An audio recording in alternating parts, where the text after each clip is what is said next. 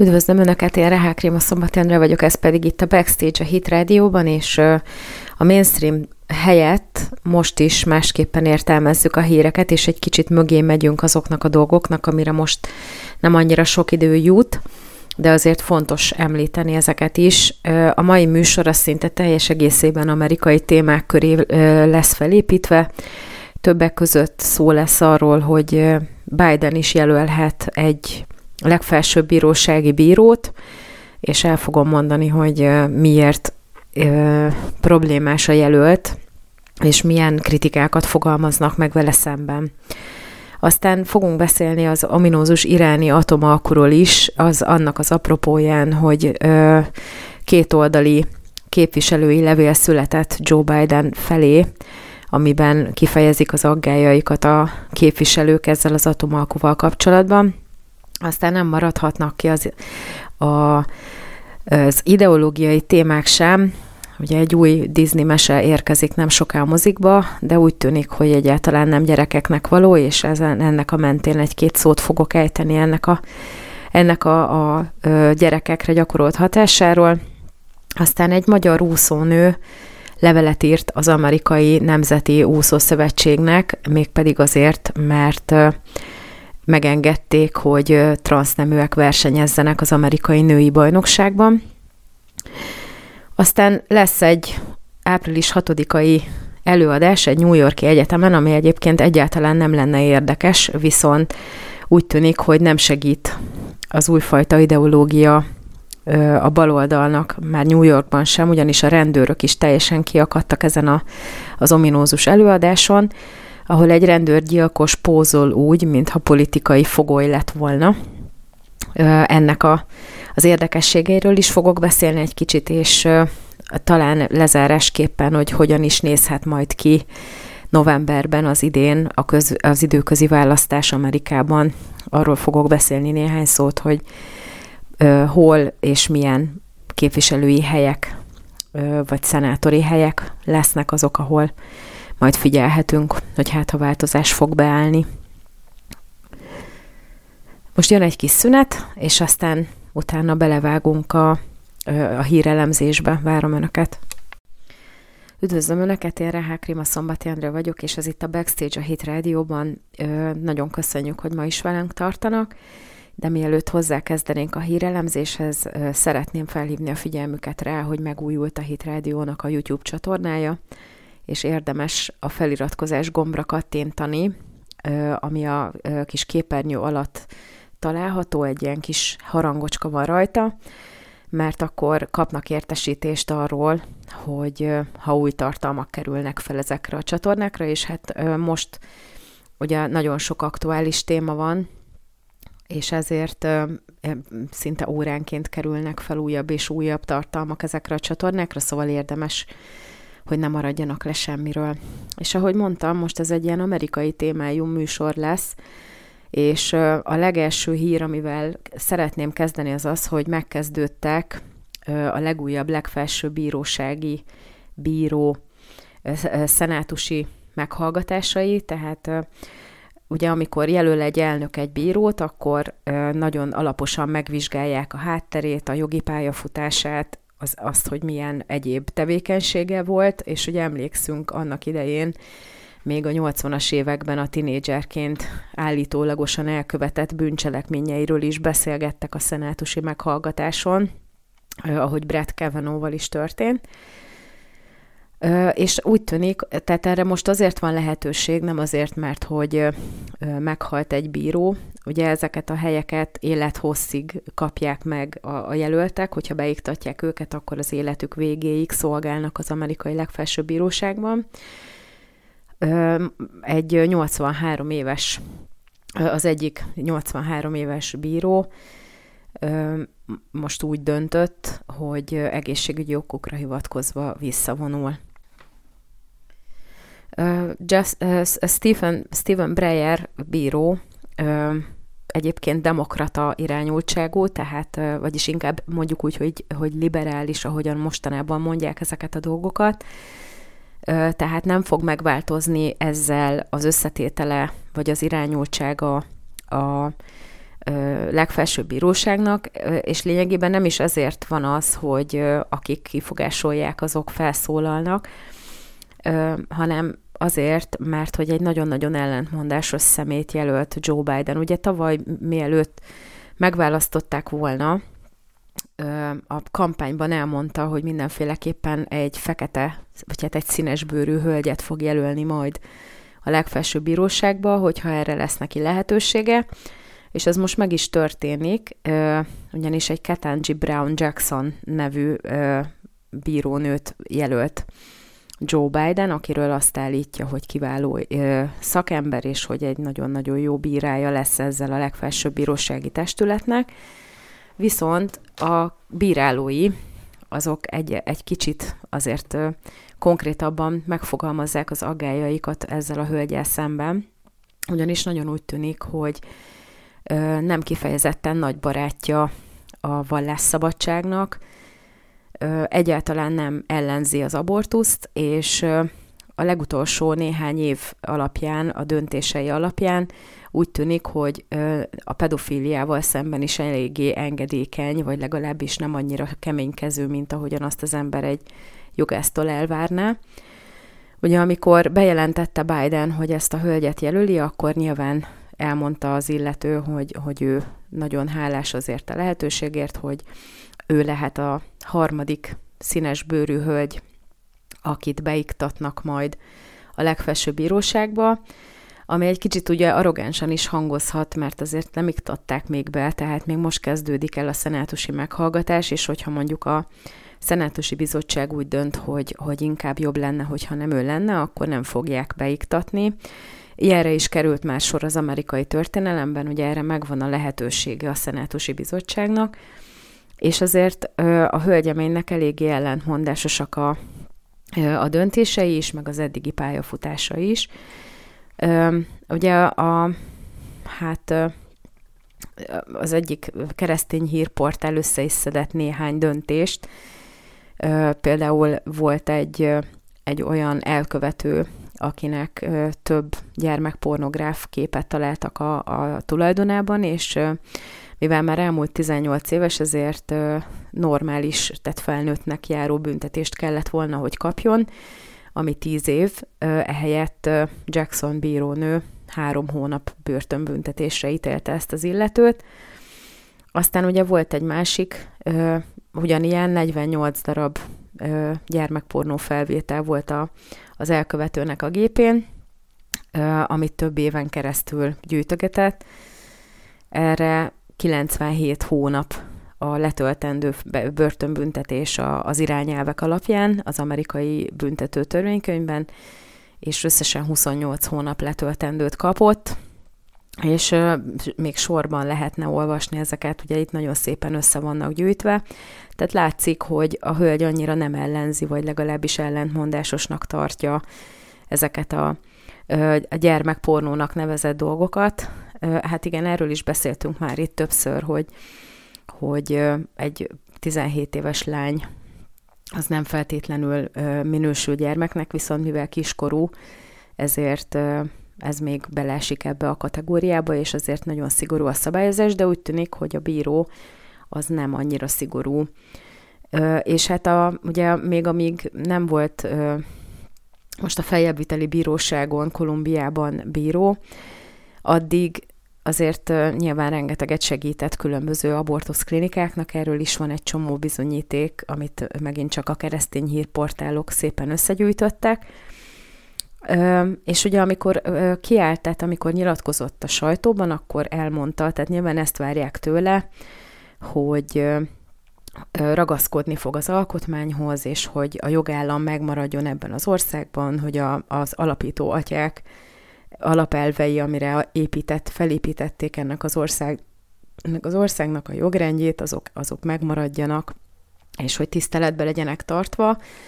Nyilván mindenki ezt akarja hallani, de ugye a kritikusai pontosan emiatt, hogy ugye abortuszklinikákat támogat meg, vagy támogatott, meg hogy ennyire ö, hát ö, engedékeny a kiskorúak ellen elkövetett szexuális visszaélésekkel kapcsolatban, eléggé hát szkeptikusak, hogy valóban fog, fog-e az alkotmány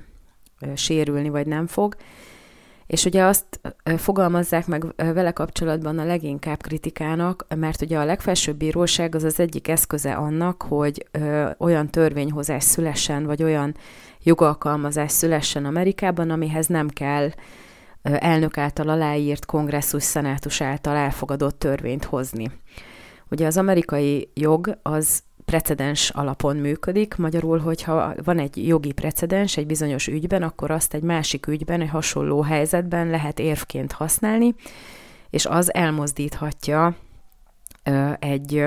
bírónak a döntését abban a konkrét ügyben,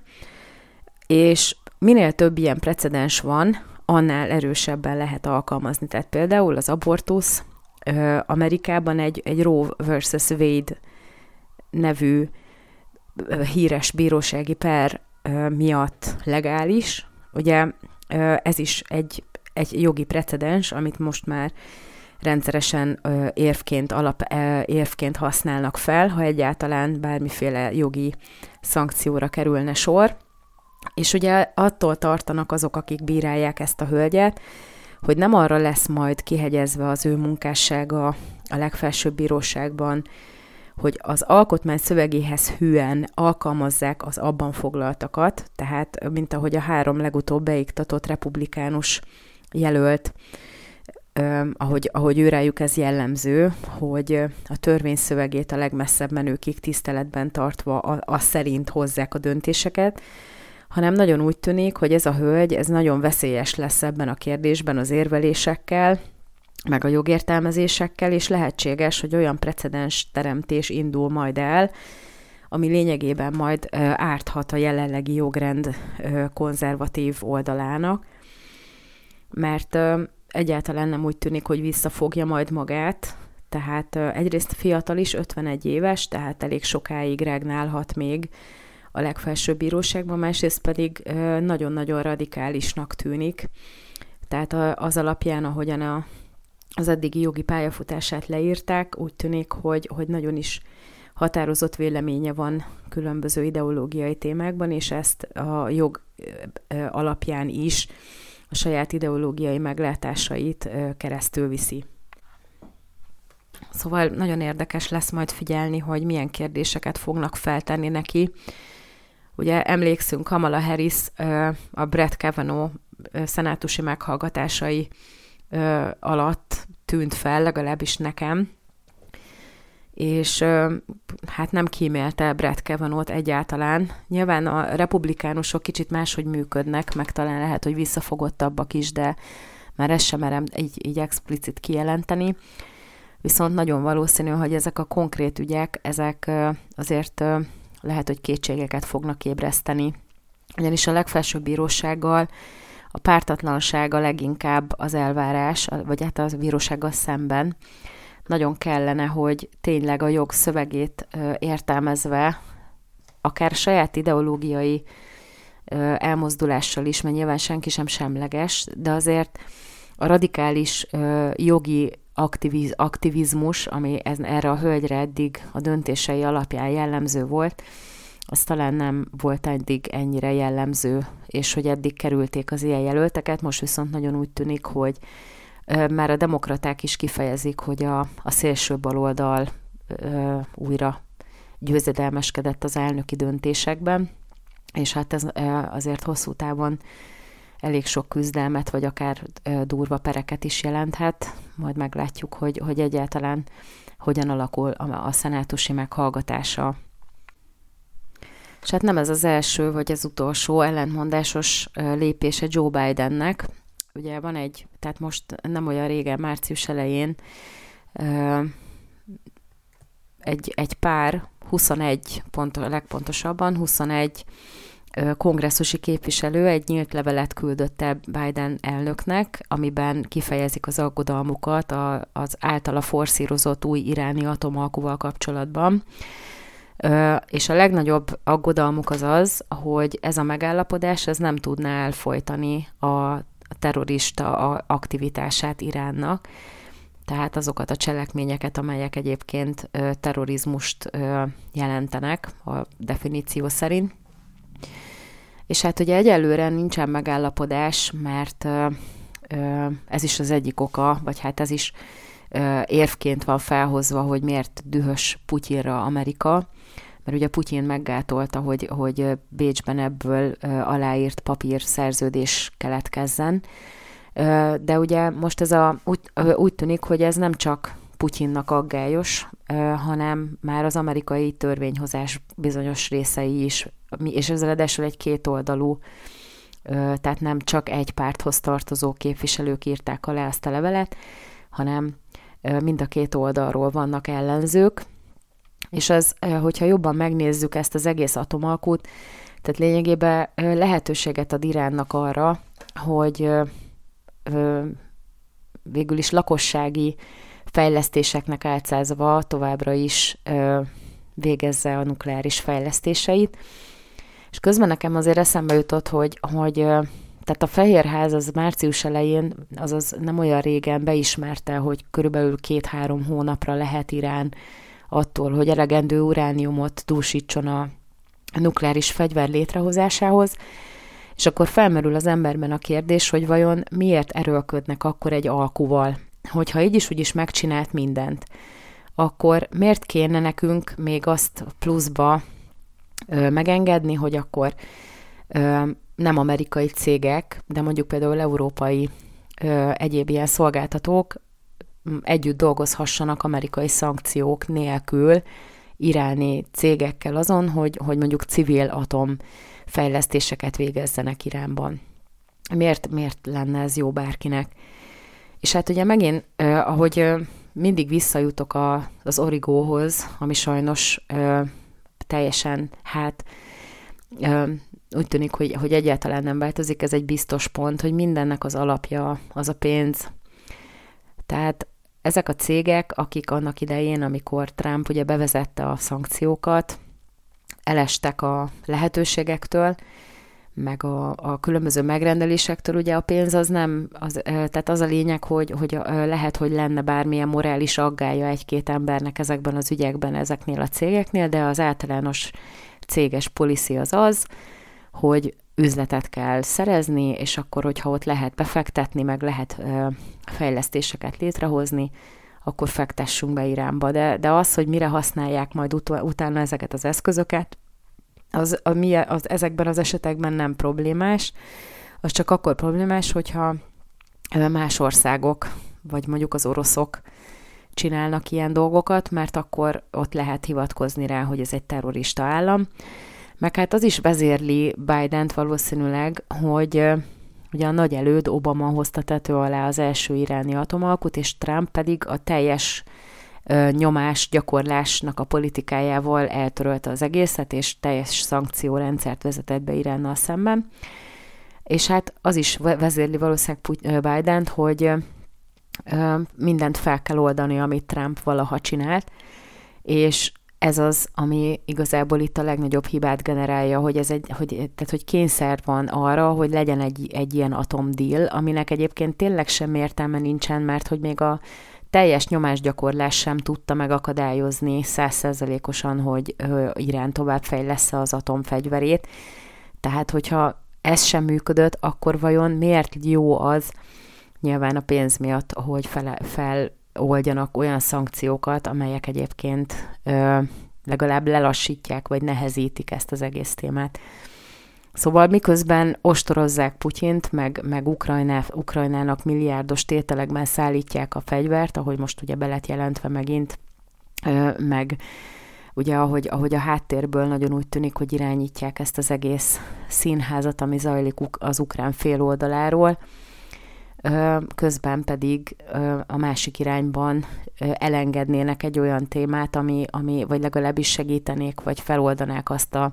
szankciórendszert, ami egy kicsit visszafogja az iszlám terrorizmusnak az egyik gócpontját. Szóval nagyon érdekes látni, és eléggé veszélyesnek tűnik ez, hogy, hogy vajon ö, egy teljes globális konfliktust akar-e kirobbantani Joe Biden, és az, az egy nagyon nagy kérdés, hogy miért. Hogy mi lehet ennek aztán a, következő lépése, ami egyébként majd talán a pénzembereknek is jó lesz. Most ez egyelőre e, óriási kérdőjel, hogy, hogy vajon kinek lesz az jó, hogyha Irán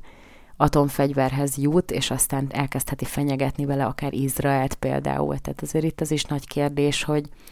Izrael szemben ez egy teljes hátbaszúrás, hogy, hogy feloldjuk a konflikt, a, ezeket, a, ezeket a szankciókat. Ráadásul úgy, hogy az iráni fél semmit nem csinál ezért, hanem egyszerűen mi csak ilyen jó fejek vagyunk, és megengedjük neki, hogy jó, akkor lakosság itt lehet, de hát a lakossági lehet akármi, főleg, hogy nem engedik be a, nemzet, a Nemzetközi Atomenergia Ügynökségnek a megbízottjait, tehát ezt senki sem tudja megítélni, hogy az vajon lakossági lesz-e, vagy, vagy katonai. Szóval zajlik az élet, és hát úgy tűnik, hogy a helyzet az, az fokozódik, a nemzetközi helyzet. Most jön egy kis zene, és aztán utána folytatjuk néhány ideológiai témával, még mindig Amerikában maradva.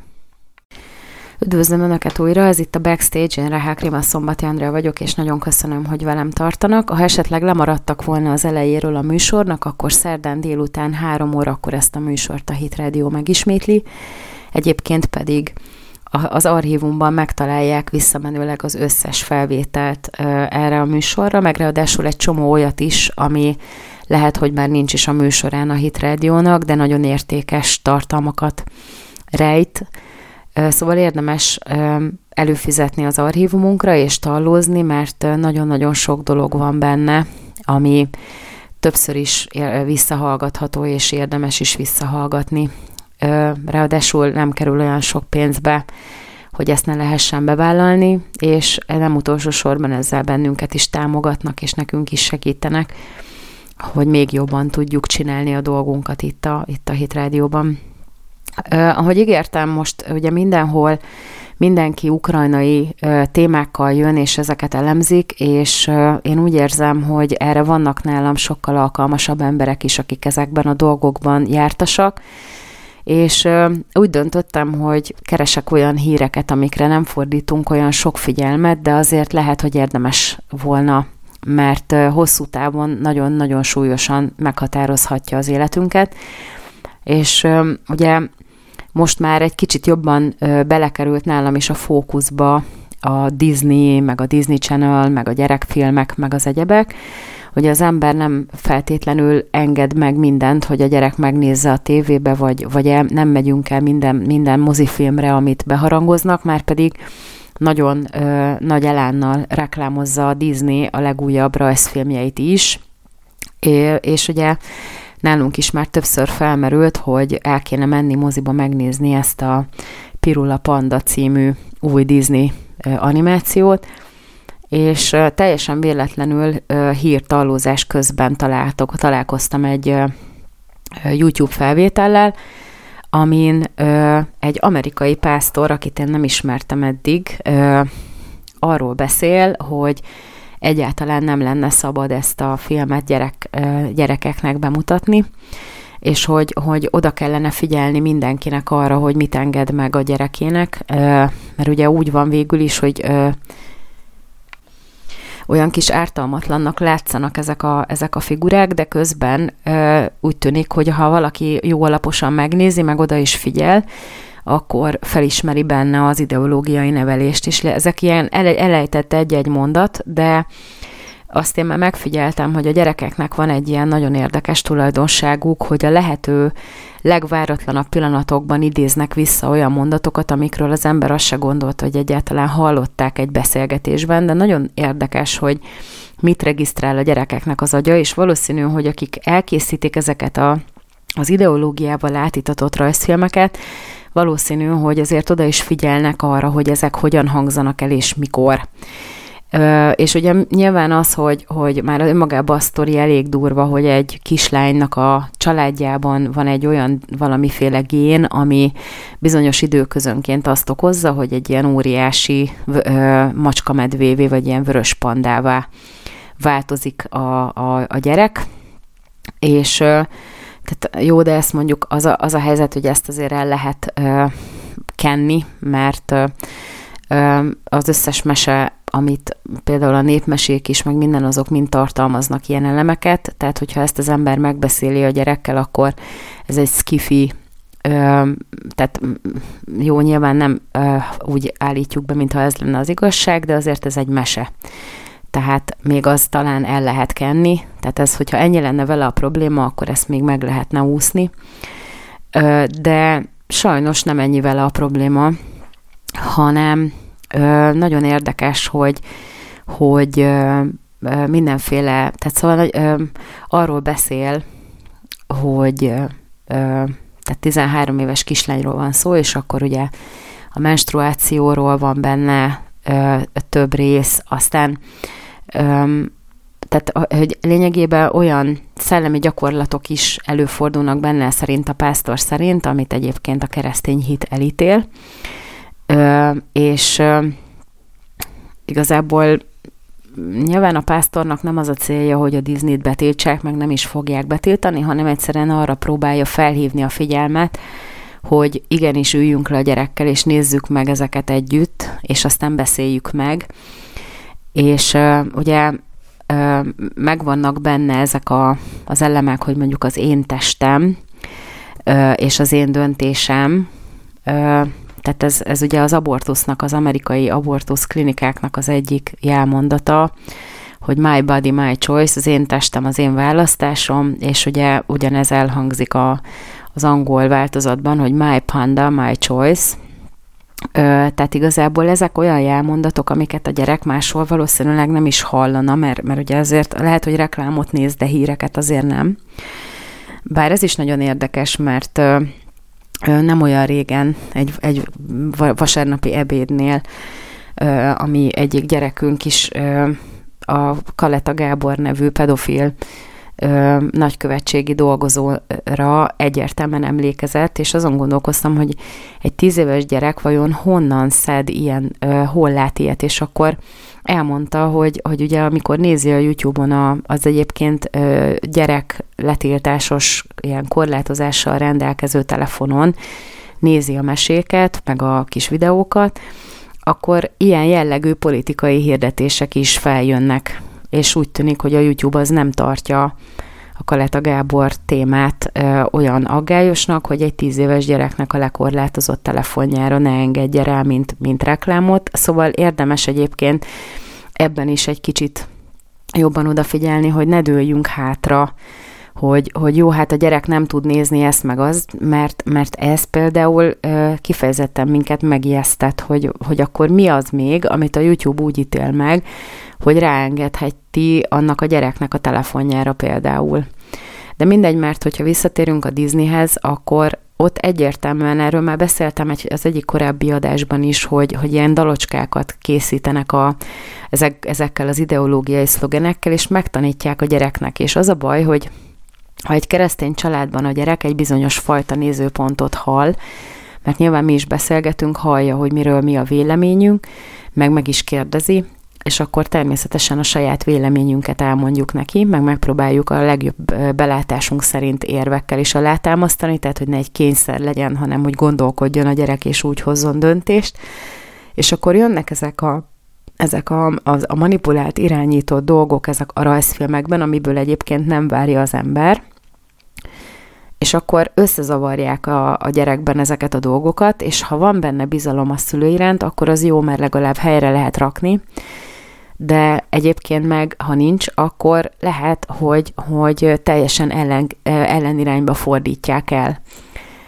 Főleg akkor, hogyha ha nem érvekkel, vagy nem beszélgetéssel próbálunk felvilágosítani egy gyereket, hanem rákényszerítjük a saját véleményünket, mert sajnos az ellenoldal az egyáltalán nem korrekt, és olyan irányból is támad, hogy a gyerek nem is tudja, meg főleg mondjuk nálunk magyar szinkronnal fogják ezeket adni, tehát ez pont olyan, mint a Marvel, hogy az ember akkor hallja ezeket a dolgokat, hogyha az eredeti változatot nézi, amit nem feltétlenül ideológiával nem megfertőzött magyar szinkron fordító, lehet, hogy soha az életben nem jön rá, hogy ez például bibliai idézet volt, főleg, hogyha az életben nem olvasta még angolul a Bibliát, vagy nem ugrik be neki egyből, és természetesen nem, nem veszi a lapot, de hogyha ezt azért mondjuk eredetiben megnézi valaki a Netflixen például, akkor le, meg lehet állapítani. Viszont magát az ideológiát az közvetíti, és ezzel, ezzel viszont nagyon-nagyon vigyázni kell. És hát ugye ugyanilyen ideológiai téma a transzneműség is, és én is rengeteget beszélek arról, hogy milyen ö, óriási diszkrimináció a nőkkel szemben az, hogy, hogy ö, egy korábban férfit beengednek a, a női úszóbajnokságba, és hát itt azért most van egy magyar vonatkozása is ennek az ügynek, ugyanis egy magyar úszónő, György Réka levelet írt az Amerikai Nemzeti Úszó Szövetségnek. Ugye ez a, ez a hölgyemény, ez a György Réka a Virginia Tech egyetemre jár, már ötöd éves, és alapvetően egy nagyon-nagyon jó úszó, tehát nemzeti bajnokságban már többször érmet szerzett, meg egyébként is, tehát már bajnok is volt, szóval ez egy jó úszónő, és most azért született ez a levél, mert hogy 18 azt hiszem 18 lett egy olyan versenyben, ahol az első 17 jut be a, a második körbe, tehát a döntőbe, és igazából azért történhetett ez, mert hogy egy, egy Lia Thomas nevű transzneműt is engedtek versenyezni, aki természetesen hihetetlen mértékben óriási előnnyel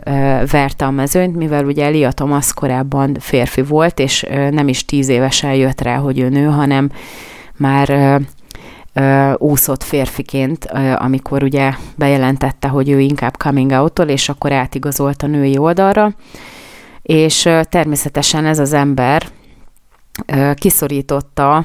a dobogór, tehát mivel felelt a dobogóra, ezért kiszorította mondjuk a kilencedik helyezettet arról, hogy visszakerüljön a legjobb, tehát a, a, a döntőkbe, és ugye a, a 17. vagy a 18. helyezett György Réka pedig, mivel ugye ötödéves, ez lett volna az utolsó lehetősége, hogy a, az egyetemi bajnokságban ö, mutasson bármiféle ö, hát ö, ö, akár valamit, hogy bizonyítson, és ugye most elesett ettől a lehetőségtől, és hát volt benne annyi kurázsi, hogy az identitás politika ellenére, meg a te folyamatos ellehetetlenítéssel szemben is ö, megírta ennek az úszószövetségnek, hogy óriási hibát vétenek ezzel, és hogy ö, megcsúfolják ezzel a, a, a női sportot, és hogy ezt nem lenne szabad megengedni, mind a mellett, hogy egyébként így kifejezte, hogy hogy értékeli a Lia Thomas-t, meg, meg egyébként azt is tehát gondolja, hogy ugyanúgy, ahogy ő hajnalban kell, és akár a családdal eltöltött időt is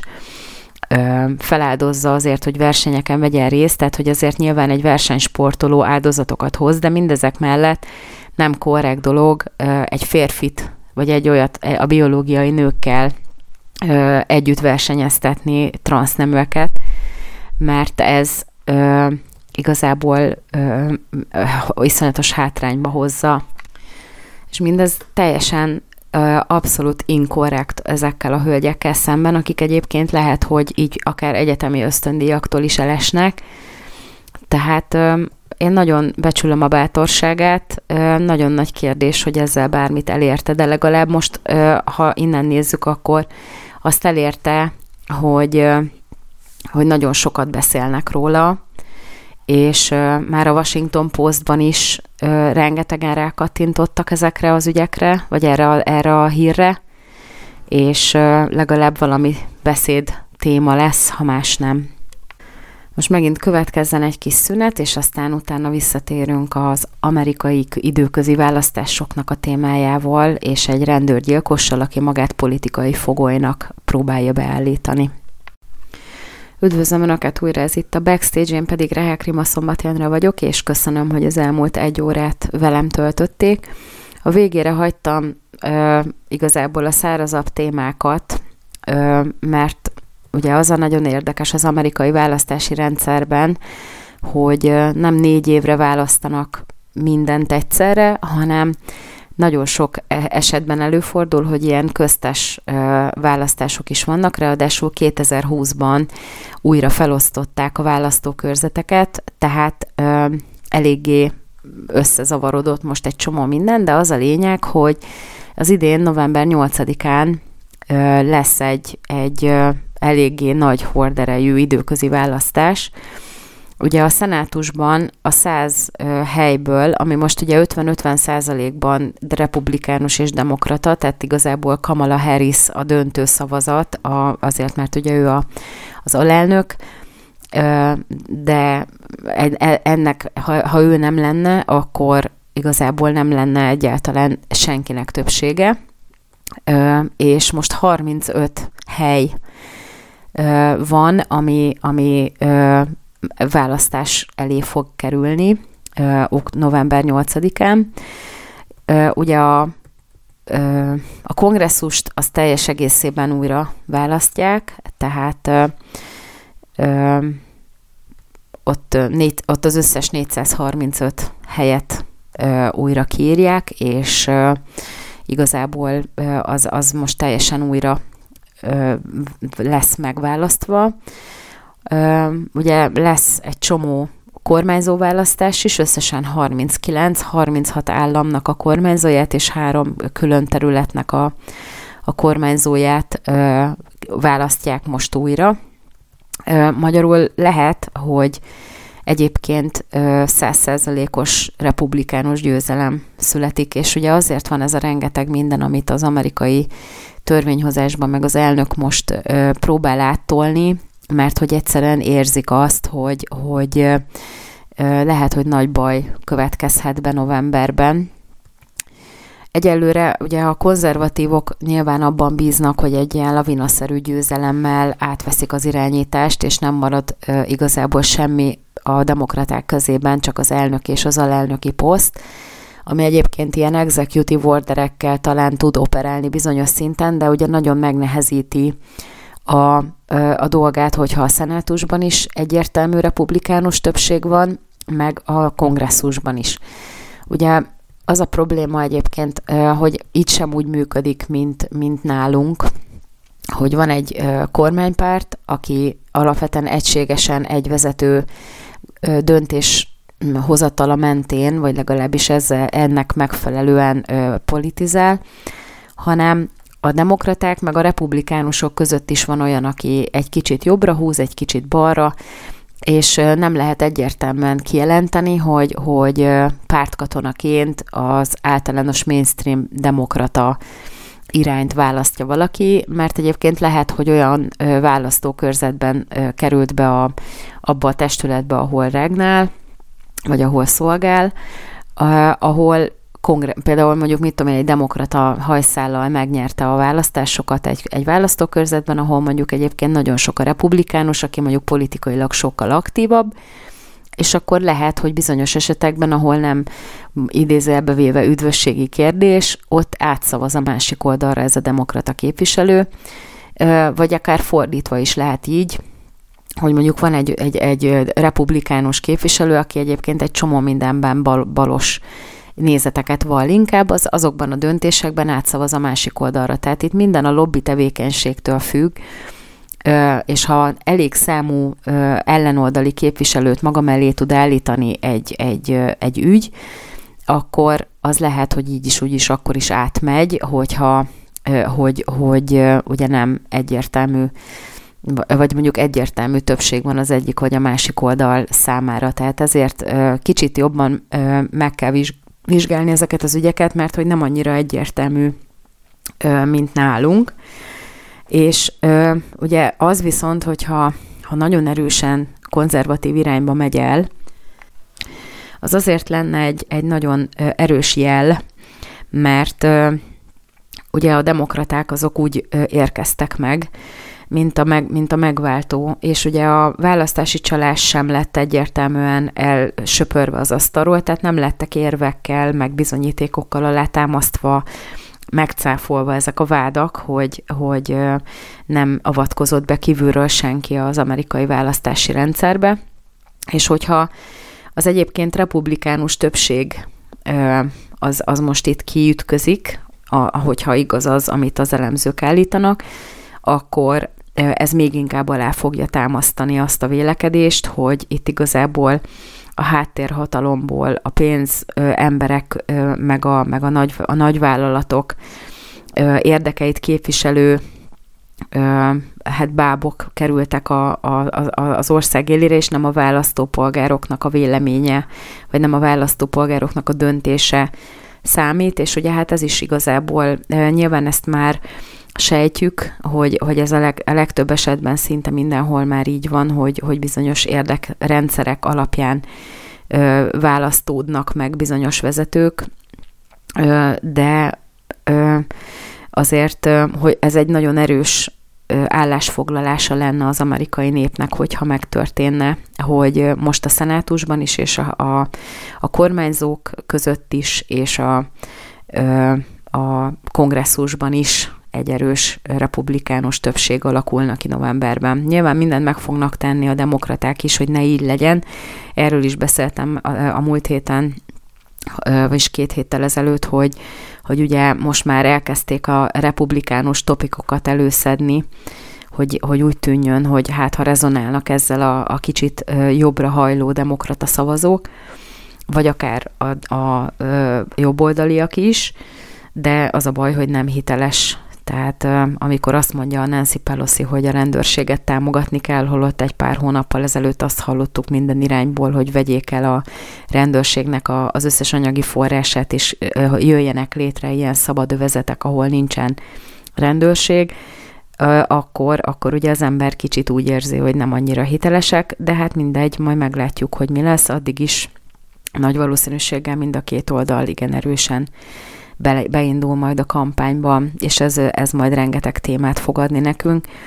Bár most terelik a figyelmünket, és hát igen erősen tereli a figyelmünket ez az ukrán konfliktus, de azért nem szabad elveszteni a, a fókuszt, százszerzelékosan oda kell figyelni ezekre az ügyekre is, mert mert ugye ezek is hosszú távon, főleg úgy, hogy Amerika ilyen mértékben nyomás alá tud helyezni akárkit, meg ugye a SWIFT rendszer a pénzügyi rendszernek a manipulálásával, vagy a lekorlátozásával el tud lehetetleníteni egész, ö, egész államokat. Tehát azért, amikor olvassa az ember a Facebookon, hogy,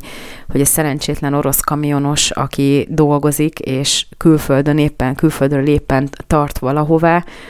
és nem tud tankolni, nem tud kaját venni, nem tud benzint venni, mert hogy nem működik a bankkártyája, és fogalma nincs erről, nem működik a telefonja, mert ugye megszüntették a szolgáltatást,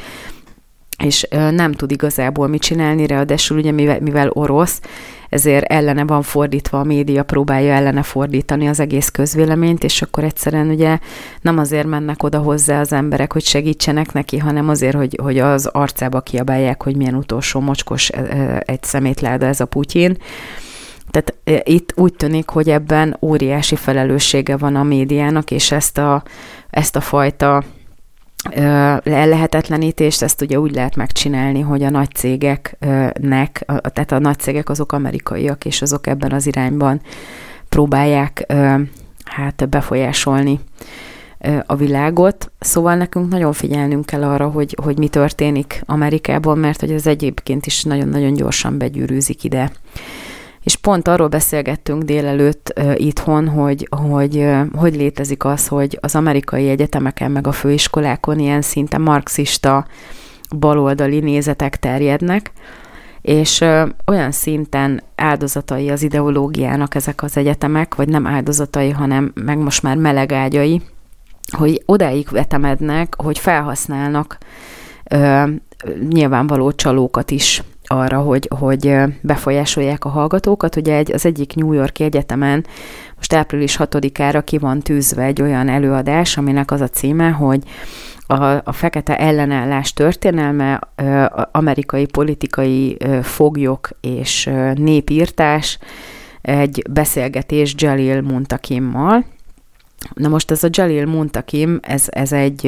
ez egy nyilvánvalóan színesbőrű férfi, aki a jelek szerint a börtönben áttért az iszlám hitre, viszont úgy értesültek, a, miután kiderült, hogy mi az eredeti neve, az a New Yorki rendőrség teljes felháborodással tiltakozik azért, hogy ezt az embert, mint politikai foglyot mutassák be az egyetemistáknak, ugyanis 79, nem is 71-ben ez az ember azért kapott hát 20 év börtönbüntetést, nem 20 évet kapott, de lényegében 20 év után ö, kegyelmet adtak neki, tehát elengedték és, és ö, ö, szabadlábra helyezték, mert hogy brutálisan egy ilyen ö, előre megszervezett telefonhívással két rendőrt ugye kihívtak Harlembe, és aztán ö, különös kegyetlenséggel hátulról az egyik, tehát a férfi rendőrt 31 lövéssel gyilkolta meg ez az ember, a nőt pedig, a társát, azt, azt hátulról fejbe lőtte, és igazából semmi oka nem volt erre, hanem ez egy, egy, egy ilyen, egy, ráadásul előre megfontolt szándékkal történt az egész, tehát az, hogy ez az ember azt állítja magáról, hogy ő politikai fogoly, az a rendőrségnek az, az, az tehát végül is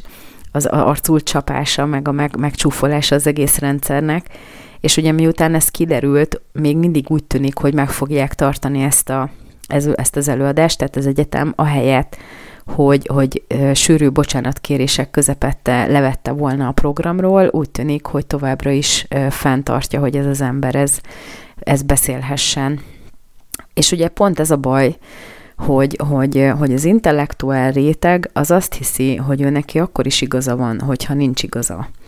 És ebben az esetben az lenne a legbölcsebb, meg az arcvesztés már így is megtörtént, de az lenne a, a, a normális, hogy azt mondják rá, hogy nem, köszönjük szépen, akkor ezt nem kérjük, és, és bocsánatot kérünk mindenkitől, akit megtévesztettünk. Nem, ehelyett ezt az embert a védelmükbe veszik, és úgy tűnik, hogy továbbra is el fogja mondani a mondandóját, ami nyilvánvaló hazugság, ugyanis ő nem politikai fo- büntet miatt, tehát nem egy Nelson Mandela, hogy úgy mondjam, hanem, hanem ő egy rendőrgyilkos, és azért ítélték el, mert megölt két embert, ráadásul szolgálat teljesítés közben ölt meg két rendőr, tehát ezek olyan, olyan ügyek, ami, ö, szóval ezt az intellektuális felsőbbrendűséget, ami árad az egész ö, témából, meg az, hogy ők megmondják, hogy szerintük mi a, jog, a jogszerű és mi nem, meg hogy ki az, aki egyébként korrekt és ki nem. Tehát, hogy ezt a fajta jogot, ezt, ezt, ezzel nem is rendelkeznek, de hogy fel kellene cserélni ezt a viselkedést az egészséges vitára, az érvelésre, hogy, hogy ütközzenek az, az, az, az oldalak egymással, és aztán az emberek azok a saját jó belátásuk szerint eldönthessék, hogy kinek adnak igazat. Ehelyett egy teljesen hát egész pályás marxista átnevelés zajlik ezeken az egyetemeken, és, és tényleg minden eszközzel próbálják elhitetni, hogy egyébként nekik van igazuk, még úgy is, hogy nyilvánvalóan kiderül, hogy ez az ember, ez, ez nem felel meg a politikai fogoly definíciójának, sőt, a lehető legtávolabb áll tőle minden szempontból. Annak ellenére, hogy rendben van, hogy színes bőrű, de ez kb. az egyetlen, ami igaz ebből a, ebből a mondatból, ami az előadását hirdeti. Nagyon köszönöm, hogy velem tartottak a mai napon, és ha minden jól megy, akkor a jövő héten újra találkozunk, addig is vigyázzanak magukra, legyenek résen, és ne higgyenek el mindent, amit hallanak a médiában. Érdemes jól utána nézni mindennek.